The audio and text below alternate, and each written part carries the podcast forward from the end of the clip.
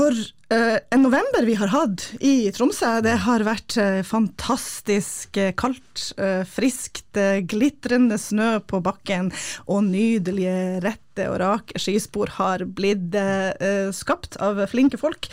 både på dugnad og på, for kommunen sin regning. vi skal i dag snakke om skispor, og hvem som skal få lov til å gå der andre tråkker.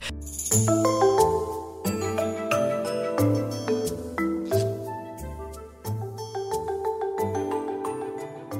har med meg uh, Henrik Romsås, som er sånn skisporgeneral på Tromsø kommune. Hei, Henrik. Hei, hei. Og så har jeg med meg Magnar Slåttå, som er da uh, Ja, jeg vet ikke hvor jeg skal begynne med CV-en din, men du er en skientusiast.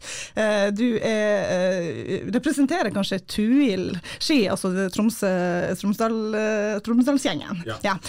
og så har du en skiskole, og er generelt sett veldig, veldig opptatt av det her. Her, Magnar. Hei. Hei. vi skal faktisk snakke om kanskje store konflikter tema i vår tid, uh, her vi har det godt og varmt i Norge, uh, og fredelig ellers. og det er hvem som skal få lov til å uh, vandre i tråkkeløype, Er det unger, er det hunder, er det mennesker til fots, så er det folk som bare kan skøyte i full fart i oppoverbakke. Noe jeg ikke kan, altså. og alle sammen har sine skrekkhistorier om det der, og jeg skal begynne med min, for det sitter jo så utrolig lenge i. Når min datter var tre-fire år, så var vi uh, ute og skulle lære henne å gå på langrennsski, som man gjør med barn i Tromsø. Um, vi bor jo her vi bor fordi vi liker snø. Uh, og så uh, var min mann var på ski, og jeg var på ski, og hun var på ski. En treåring. mot skihytta, dere vet jo hvor det er. Ja. Ja. masse familier som går der. Så plutselig så kom det en mann forbi i full fart med sin datter på 10-11 år på slep, og skjelte oss ut. For vi lærte denne ungen å gå på ski i denne løypa. Kunne ikke vi finne en annen bedre plass å lære å gå på ski? Og han skjelte oss sånn ut at jeg ble så forbanna. Og da han må, kanskje han skulle tenke på hva slags eksempel han satt for sine egne barn og bare gå videre. Eh, og kjente at det sitra av sinne. Tenkte at nå ble hele turen ødelagt. Kom det en eldre herre på noen sånne treplanker og noe greier eh, bak oss. Så tok han og gikk forbi attmed Sofia og så sa han vet du, du er så flink det her er kjempebra, jeg og du skal gå til skihytta i lag. Så gikk han jo hele veien. Så det her var den verste historien jeg har hørt, opplevd i skiløypa i Tromsø. Og den beste historien. Det handler om folk som ikke var sjenerøse, og folk som var så at noen ikke var sjenerøs og gjorde noe med det. Eh, og denne historien har jeg fortalt så mange ganger, eh, for det betyr noe når vi skal dele på ting, at vi ikke kan dele på ting. Og da kan jeg skjønne at det blir eh, så stort engasjement om hvem som skal få lov til å gå hvor. Henrik, du får høre vel veldig mye av det engasjementet fra folk? Ja, absolutt hele tiden. Og det, da jeg begynte jobben som prosjektleder for det som er Tromsømarka-prosjektet i 2011, så var jo noe av motivasjonen til kommunen var å gjøre noe med disse sambrukskonfliktene, som man så fint eh, kaller det. Det at det var rett og slett krig i lysløypa. Idet snøen la seg, så ble denne flotte turveien på toppen av øya særlig, den ble da gikk fra å være bar, og der man trillet og rullet og gikk, til å da bli en skiløype. Og i starten så handlet det faktisk ganske mye om rettigheter. Eh, hvem hadde rett til å bruke løypa? Og skiklubbene de var ganske standhaftige på at de hadde en rett til å bruke løypa. Brukte gjerne da argumentasjonen det er ingen som går med barnevogn eller går inn på Alfheim stadion når TIL har trening, eller den gang Alfheim stadion, i dag Romsø Arena. Og faktisk Mye av det jeg brukte det første året på, var jo litt sånn eh, diplomati. Eh, snakke, eh, fredsskapende arbeid. Eh, og så skjønte vi at du kan ikke bare snakke, du må også gjøre noe. Du må faktisk fysisk tilrettelegge for å prøve å gjøre det bedre for alle.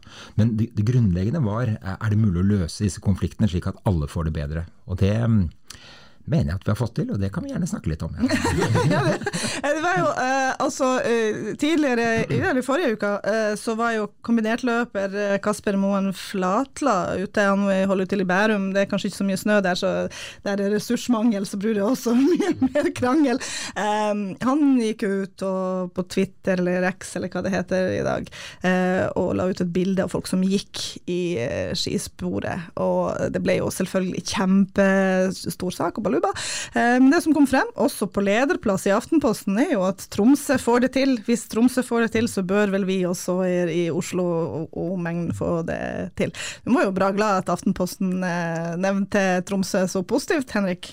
Ja, det var en fjær i hatten, og det var veldig gøy. Og det er egentlig bare toppen av kransekaka, all den positive omtalen vi har fått de, de siste årene hvor vi har gjort en del nye ting som uh, merkes, som andre adopterer. Det er forsøk land og strand rundt med å lage disse gåsonene, med å slippe til nye brukergrupper. Men forutsetningen er jo hele tiden at de som går på ski også skal få det bedre. Hvis de får det dårligere at man slipper andre til i løypa, da har vi tapt. Så hele premisset for det jeg har gjort hele tiden, eller Tromsø kommune har gjort hele tiden, det har vært alle skal få det bedre. Men det er jo mange kilometer med skiløyper i Tromsø, Magnar, og det mm. er mange som ikke Tromsø kommune uh, tråkker. Noe tråkkes jo av, av, eh, folk på dugnad og ildsjeler og skiklubber og uh, diverse. Det er, er det så rosenrødt som Aftenposten og Henrik skal ha det til?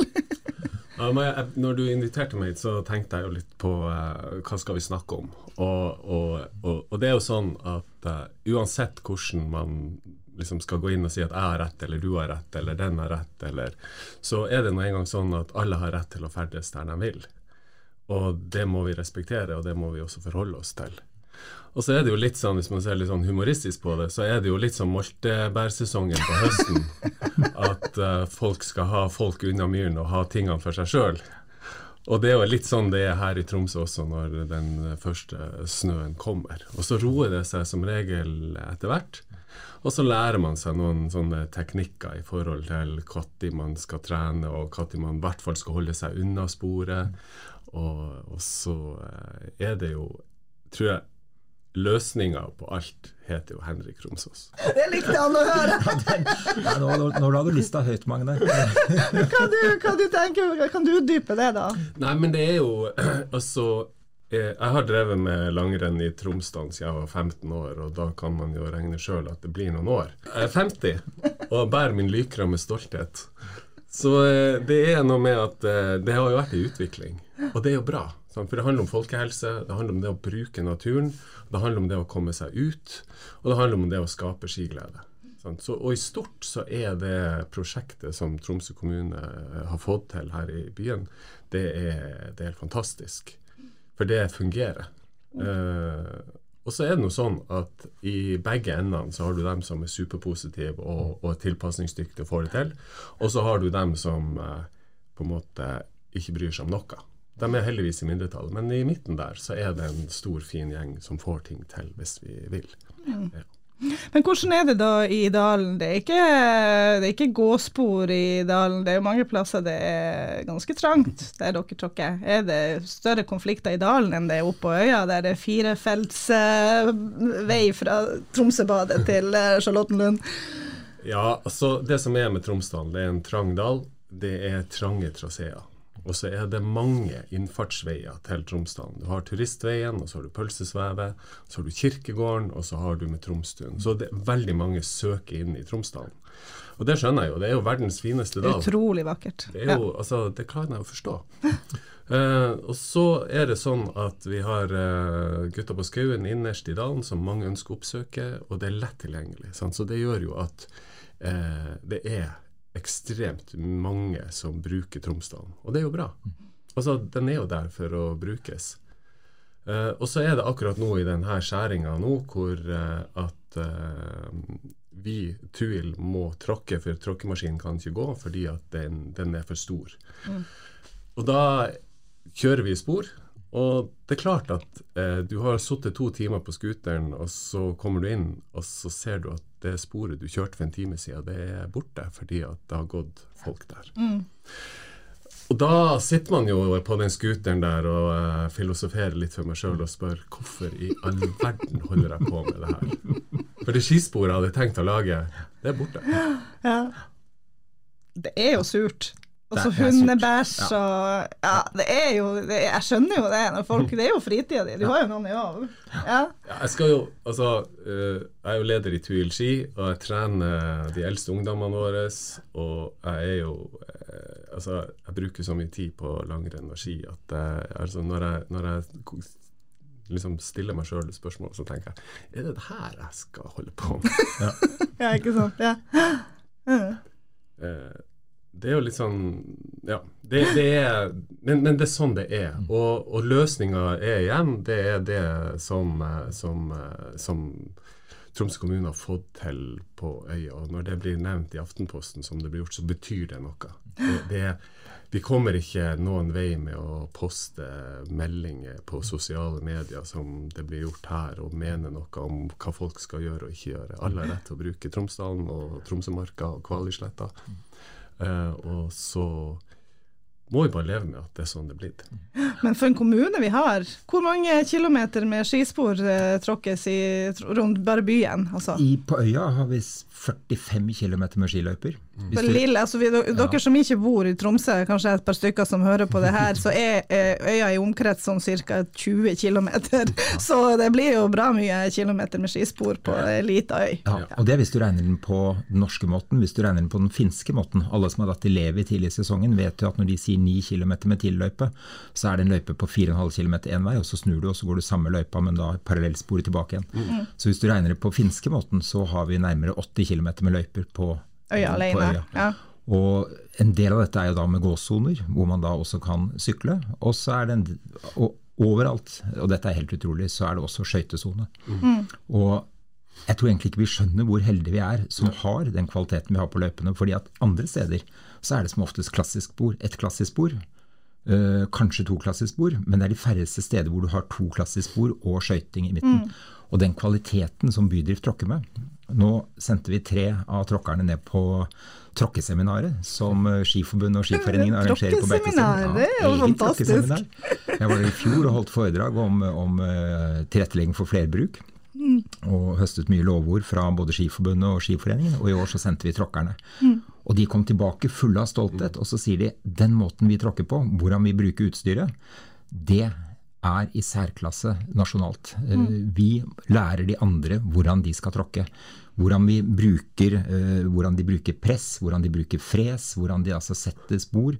Uh, som de sier, vi har fortsatt noe å lære, men mm. de andre lærer av oss. De mm. sitter og jobber med forskjellige caser i gruppeoppgaver, mm.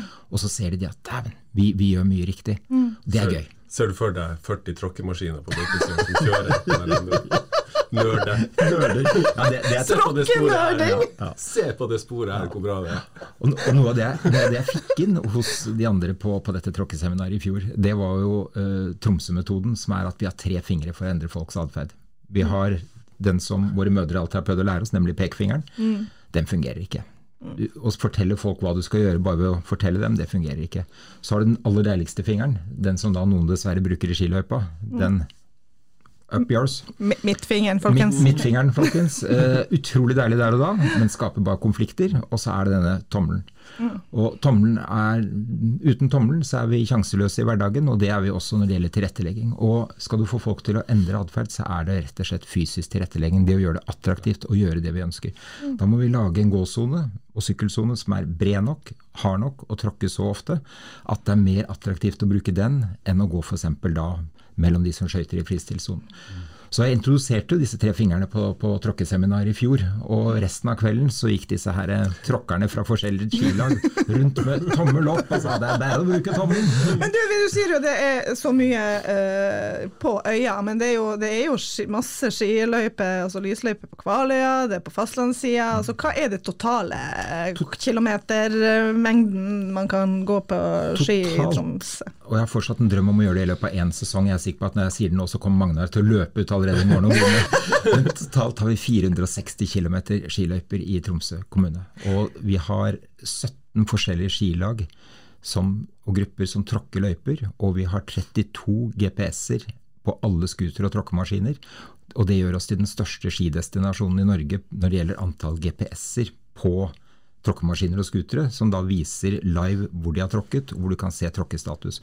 Og vi er i sær... Folk blir jo sur. Ikke, hvorfor, hvorfor, lyser det ikke grønt på skikartet når jeg vet at uh, tråkkemaskinen har kjørt? Det er liksom, det, det er, sånn, er folk blitt luksusdyr i Tromsø, Magnar?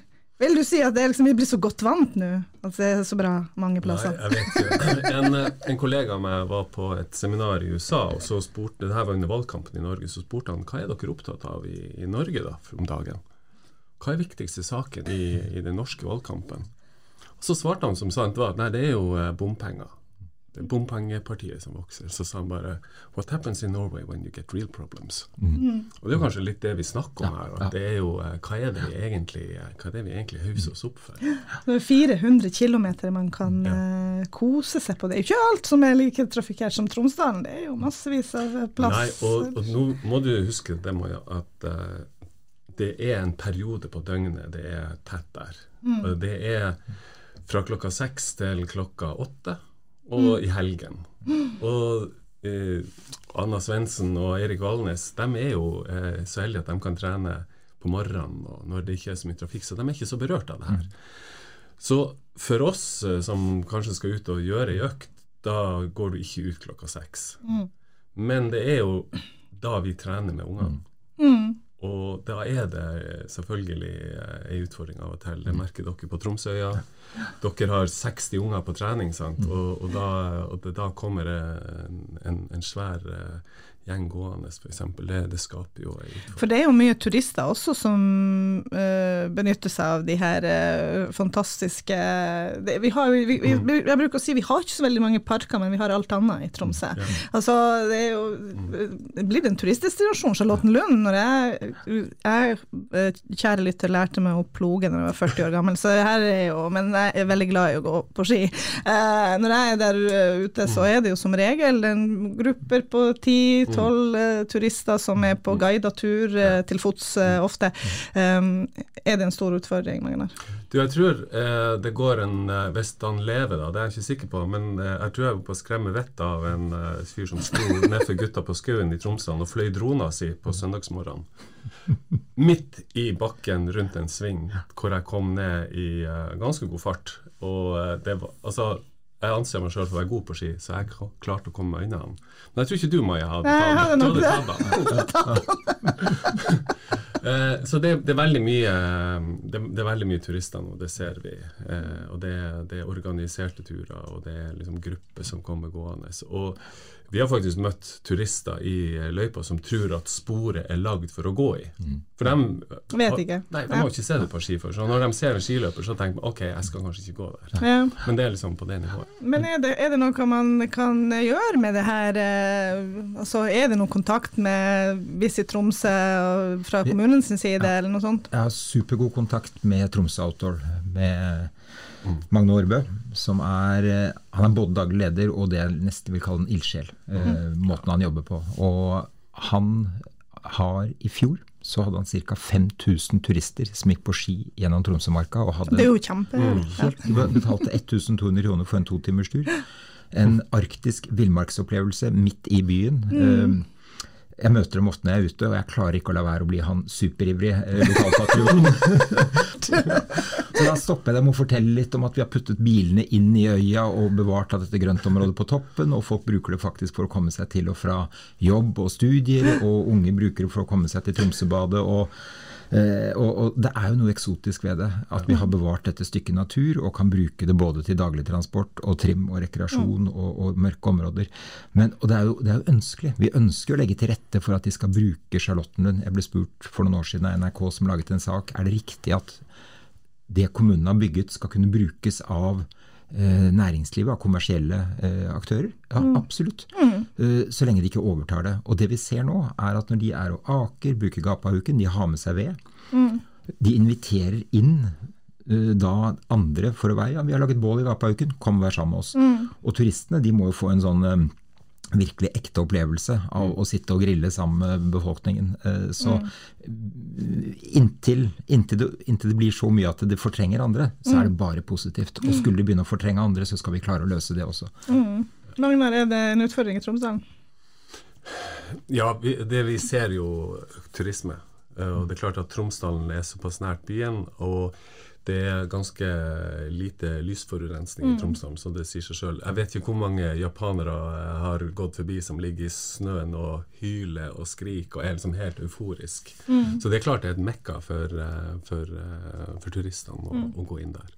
Det skal vi også være litt stolt av, tenker jeg. Absolutt. Ja, jeg jo absolutt. veldig, altså jeg blir også sånn, Bare jeg går i Telegrafbukta og ser folk helt med stjerner i øynene for noe som jeg tar for gitt nesten eh, i livet mitt, så blir jeg jo veldig glad. Altså. Jeg tenker eh, altså, Veldig viktig at vi ikke gjør turister til et problem mm. i seg sjøl. Men jeg tenker det må jo kunne også tilrettelegges på et vis at vi kan sameksistere også i de her områdene som i mm. utgangspunktet skaper konflikt, mm. som skiløyve. Mm. og, og, og, altså, alt er ikke rosenrødt. Nå har vi vært på en sånn rosenrød-runde. Jeg er den første, ja, jeg er den første til å innrømme at vi er ikke i mål. Eh, vi har utfordringer med god nok informasjon. Skiltinga er for dårlig. Vi har prøvd oss med å lage sånne Gobo-lys for å lyse opp og si her kan du gå, her kan du gå på ski. Eh, jeg har lyst til å fortsette med det, fordi at skilt snør ned, skilt synes ikke. Kan vi bruke lys i mørketida for å veilede folk? Vi sliter med at ved snøfall så har vi bare fortsatt én tråkkemaskin på øya. Vi får ikke tråkket alt tidlig nok til at snøen setter seg og folk opplever gode forhold. Og snør det gjennom dagen, så slutter jo faktisk bydrift å jobbe klokka to. Og da har vi en periode på ettermiddagen hvor det er for dårlige forhold. Og jeg er opptatt av at det skal være forutsigbart. Det skal ikke være slik at du tenker at i dag var det skikkelig dårlig å gå eller sykle. Jeg gidder i hvert fall ikke å gjøre det i morgen. Da, da, har vi tapt. Vi må lage det forutsigbart, på samme måte som at veiene må brøytes før folk skal ut og bussene skal kjøre. Mm. Så må det være forutsigbart. Jeg jobber nå med å skaffe penger via Tenk Tromsø for at vi skal ha to tråkkemaskiner, som vi har i dag, men vi mangler penger til mannskap. Mm. Eh, allerede kanskje fra firetiden om morgenen. Kom jo litt mer penger til Tenk Tromsø i går? Ja, og det er, det, det er, midler som vi ønsker å få tak i, og som det allerede nå på onsdag onsdag torsdag har vært møter om forsterket vinterdrift, hvor jeg har spilt inn at Tromsømarka må vi også se på som en del av samferdselen. Og Det er jo det, det er jo blitt pendleråre. På øya er det jo en pendleråre på, i hvert fall eh, på sommermånedene, og så blir det overført da som en pendleråre på, eh, på Det er helt genialt. Ja, vi har telling. Du har jo jobb midt i lysløypa der på Kåsat. Mm. Ja, du ser jo vel folk eh, både traske og gå på ski. Er, det, er det mye fange meg. Aldeles, aldeles ikke. Og det er, du hørte hva jeg sa da vi begynte podkasten, at løsninga er Henrik Romsås. Det, liksom, det, det, det, sånn det, er sånn vi må fortsette å jobbe. fordi at det er noe med entusiasmen og inkluderinga og være nytenkende. Og ikke minst være i dialog. Som, som Henrik er ikke redd heller for å ta den tøffe praten. Og liksom høre på alle og være tydelig på at vi må snakke sammen og vi må respektere hverandre. Mm. Uh, det er ingen som har enerett på noe. Uh, det, er, det, er, bare sånn det er. Mm. Og så uh, er det det her med den fingeren igjen. Det nytter bare ikke. Så er det bestandig noen som skal utfordre akkurat det her. Og så må vi bare overse det. Men det er jo mange tusen mennesker som bruker akkurat den eh, delen, altså inn mot mm. universitetet og UNN. Ja. Det er jo Norge, mm. Tromsøs, eller kanskje Nord-Norges største arbeidsplasser som ligger mm. der. Um, og det har jo eh, blitt uh, utrolig flott. Men jeg har jo, som igjen, uh, i, min magre evne, gått mange ganger forbi der på ski, og, og så kommer du på sånn et mørkt område, og så er det nordlys, og så er det helt stille, og så er det ikke en sjel. Og du er omgitt i en by av 80 000 mennesker, mm. og man skulle liksom av og til når man hører de her historiene, skulle man tro det var trengsel eh, overalt. Det er det ikke. Hvordan skal vi få flere folk inn i mm. de her opplevelsene? Eh, når jeg kjører mine skikurs, så har jeg dem for det første halv ni på kvelden, når det ikke er så mye trafikk. Men da får du også Tromsømarka for deg sjøl. Og mm. eh, jeg har noen sånne spotter på øya hvor jeg vet det er mørkt. Og når jeg ser at det er nordlys, så prøver jeg at, liksom, at vi legger turen innom der. Og så stopper vi opp, og så har vi et sånt moment. Mm. Og, og, det er det er veldig mange som har bodd i Tromsø i hele sitt liv, som faktisk aldri har opplevd akkurat det. Mm. Så det er, noe, det er noe med å skape de opplevelsene som de faktisk får med å komme seg ut ja. på ski. Det høres helt nydelig ut. og Dette var jo noe også grunnen til at vi kalte det for Tromsømarka da vi begynte å jobbe med det, og ikke Lysløypa. Mm. Jeg har bodd i Tromsø i 30 år nå. og i veldig mange år så har vi alltid snakket om at vi skal opp i lysløpa. Vi skal i lysløpa. Mm. Men ved å ta i bruk Tromsømarka-begrepet, mm. så sier du noe om at dette er et større område, og det er et markaområde. Eh, som har et visst vern også med en markagrense. Men også det å fortelle at dette er ikke bare tilrettelagte områder. Like viktig som hvor vi tilrettelegger, så er det hvor vi ikke skal tilrettelegge. Mm. Og ta mm. vare på de mørke og stille plassene. Mm. Og de skal også finnes på Tromsø. Og jeg syns at det er noe av magien. Å gå uten hodelykt, hundeløypa, månelys, snø på trærne. Eh, jeg skulle i selskap en lørdag i fjor. Eh, jeg kom en time for seint bare for at jeg nektet å gå inn. Jeg sendte melding. Bli litt til. og det var så fint å være ute. Og de, de, mørke plassene de er eh, truet, og de skal vi ta vare på. og Derfor skifter vi nå ut lys i lysløpene Både for at det er billigere, bedre lys som varer lenger, slipper å skifte pærer, men også fordi at det er lys med ledd som bare lyser opp selve løypa. Det er jo helt Ja, ikke har strølys. Eh, Vi har altså det vi kaller nordlysvennlig lys. Å, herregud, det er veldig bra. Jeg tror det er kjempefint. Også, men så vil jeg slå et slag for at eh, jeg er jo ikke opprinnelig norsk. Eh, Når jeg kom til Norge, så var jeg 13 år gammel, eh, og så skulle alle sammen ut på ski, og det terskelen for meg var jo kjempehøy. Ja, det var jo helt umulig for meg å komme inn på det. Um, og så ble kom jeg liksom opp i 30-årene og så tenkte jeg, det er så fint, jeg ser så fint ut, de folka som bare glir gjennom det her landskapet. Det er ikke noe bråk, det er ikke noe motor, det er bare liksom den der opplevelsen av ro, tenkte jeg, det her må jeg prøve å være med på. Så da skulle jeg lære meg å, øh, i jeg var 30 noe, øh, skulle jeg lære meg å stå på langrennsski. Så ringte jeg til faren min, som ser alt av sport. Så jeg, pappa, øh, han er fotballspiller, han kan ikke heller ikke gå på. Så pappa, hvordan skal jeg lære meg øh, å, å gå på langrennsski? Så sa han pappa, det er, du, du må gjøre som nordmenn. De vet at det å gå på langrennsski, det handler om å tryne. Du må lære deg å like å tro. og det gjør jeg konsekvent, og ødelegger spor, i, uh, også i Tromsdalen. Jeg må bare beklage, jeg har gjort det. Det gjør du aldeles ikke. Og jeg bruker å si til, jeg bruker å si til alle som, som er på mine kurs, at dersom du detter, så utfordrer du deg sjøl, og da kommer du litt grann ut av komfortsonen. Og det er akkurat det det handler om.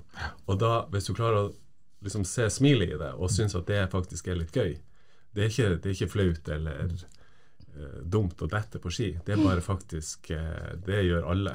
Og Så du, her, herved får jeg tillatelse til å tryne, tryne og ødelegge skisporene deres så litt. mye du vil.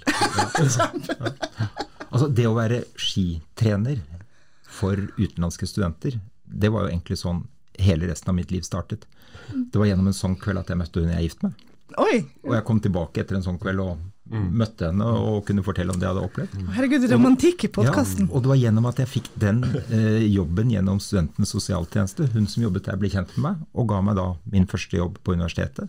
Som igjen gjorde at jeg er der jeg er i dag. Så, eh, og, Se der. Ja, se der. Og det å være skitrener Jeg har vært i mange år for, for barn, men også fått lov på denne Kom deg ut-dagen som Røde Kors og Troms idrettsråd og Britt Andersen og mange arrangerer.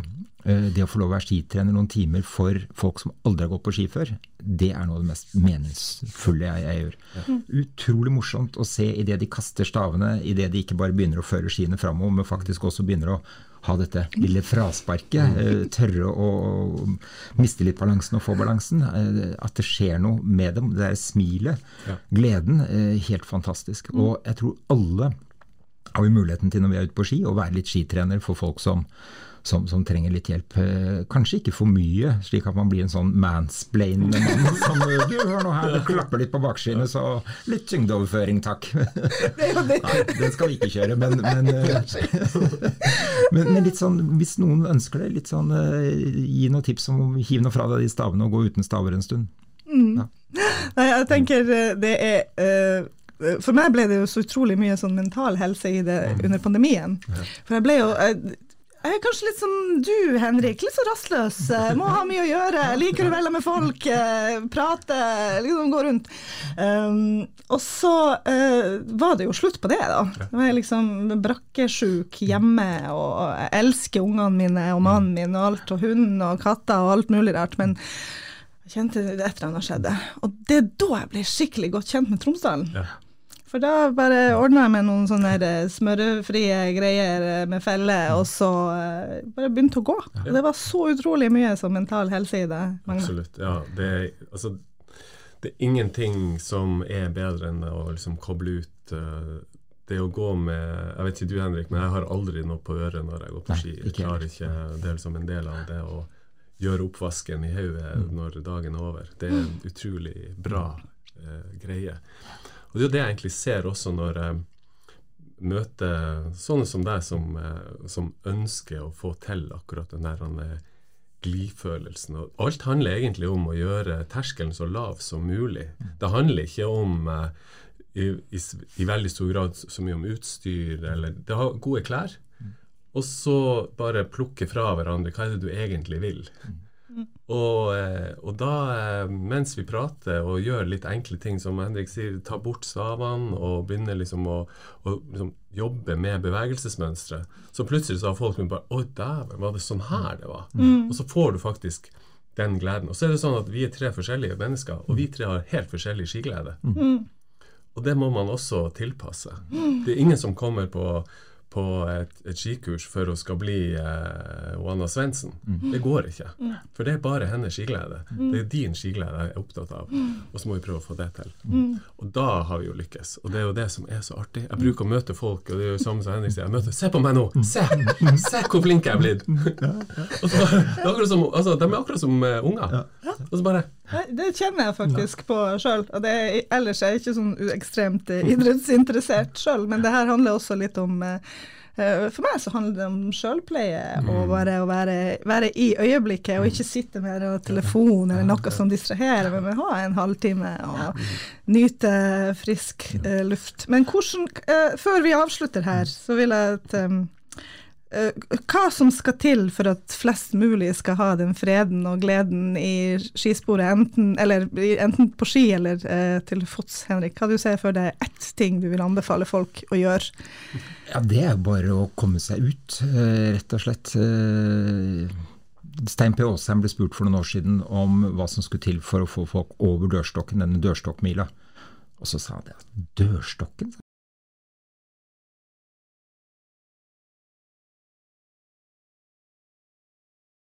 Jeg ser ikke på den som noe hinder ikke det hele tatt, jeg ser på den som en utskytingsrampe. Da kommer jeg hjem og skrev utskytingsrampe på dørstokken, men det der å faktisk bare gjøre det. Um, mm. Komme seg ut. Bruk gjerne den skisporappen for å se det fantastiske vellet vi har av skiløyper i Tromsø, og masse honnør til alle skilagene som gjør dette på, på dugnad. Uh, utforske, komme seg ut, ikke være redd for teknikk. Mm. Uh, alle går på ski på sin måte, alle løper på sin måte. Uh, ønsker man å bli bedre, kontakt Magnar. Det å ta et, et, et, lite kurs uh, Man må ikke, men, mm. men, det er mye glede i det.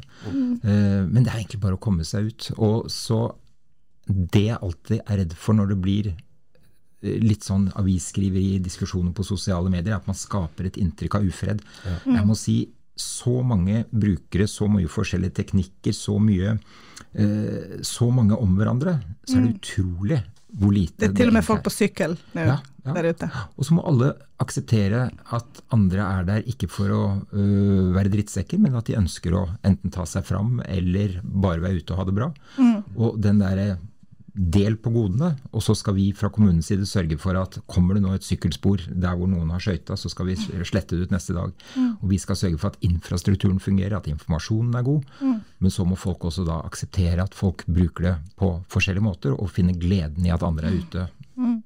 Magnar? For det første så tror jeg ikke konfliktnivået er så høyt som man kan få inntrykk av. Det, det, det, tror jeg nok er litt medieskapt, fordi det foregår stort sett i fred og fordragelighet. Og så er det tilrettelegging i så stor grad som mulig. Og der bor vi i vil jeg påstå, en av de beste byene i Norge for å få det til. Det mm. vet vi. Eh, og så er det noe med at de mannfolkene på min alder som tror de skal eh, bli verdensmester, de må bare legge den tanken bort, for det blir de ikke. Mm. Senk pulsen, slapp litt mer av. Og, og, og, og ikke være så, så, så, hissig på grøten. Det ordner seg. Og så er det også dem som uh, går tre i bredden og skal uh, dele uh, livet sitt mm. og glemme av at det er noen rundt dem, og de sperrer hele løypa.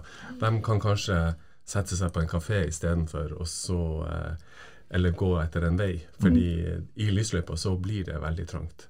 Og det, det, det kan skape utfordringer. utfordring. Så vi må bare se hverandre og, og ta litt hensyn, så tror jeg det der går bra. Jeg vil bare avslutte uh, akkurat on that note, som det heter på godt norsk, at uh, etter, etter, at jeg slutta å være gående i skiløypa og begynte å gå på ski, også i skiløypa, både på føtter og ski, eh, så har jeg begynt å ta forferdelig mye hensyn til denne, det her sporet. Så når jeg er ute med ungene mine og sånt, og de er ake, på akebrett, så sier jeg kan, dere må jo gå den veien og ake, ikke ake i sporet. Eh, det har utarta seg såpass mye at mannen min uh, måtte eh, utbrøt en dag Hva er det du holder på med, er du ansatt av en Henrik Romsås? det er bare, bare å sende faktura. Hva var det jeg starta med å si? Det er Henrik Romsås som er løsninga. Så har du til og med føler deg ansatt hos Henrik Romsås. Takk skal dere ha for at dere kom. Det var veldig, veldig hyggelig fredagsprat med dere to. Takk, det samme. Det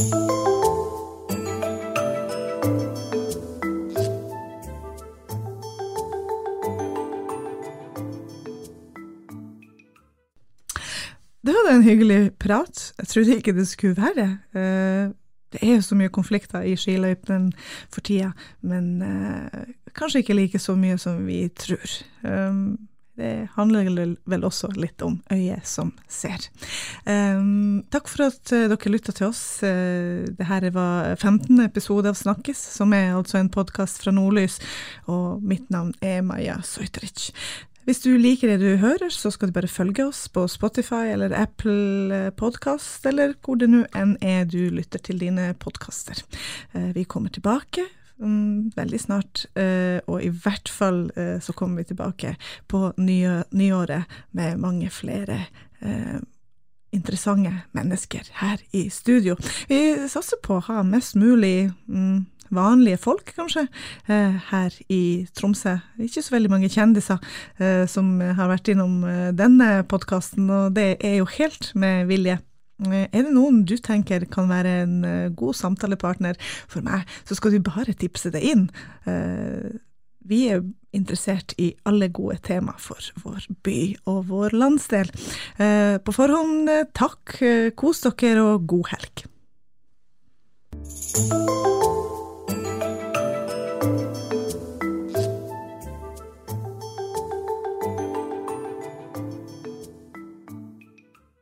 Har du et enkeltpersonforetak eller en liten bedrift? Da er du sikkert lei av å høre meg snakke om hvor enkelt det er med kvitteringer og bilag i fiken, så vi eh, gir oss her, vi. Fordi vi liker enkelt. Fiken superenkelt regnskap.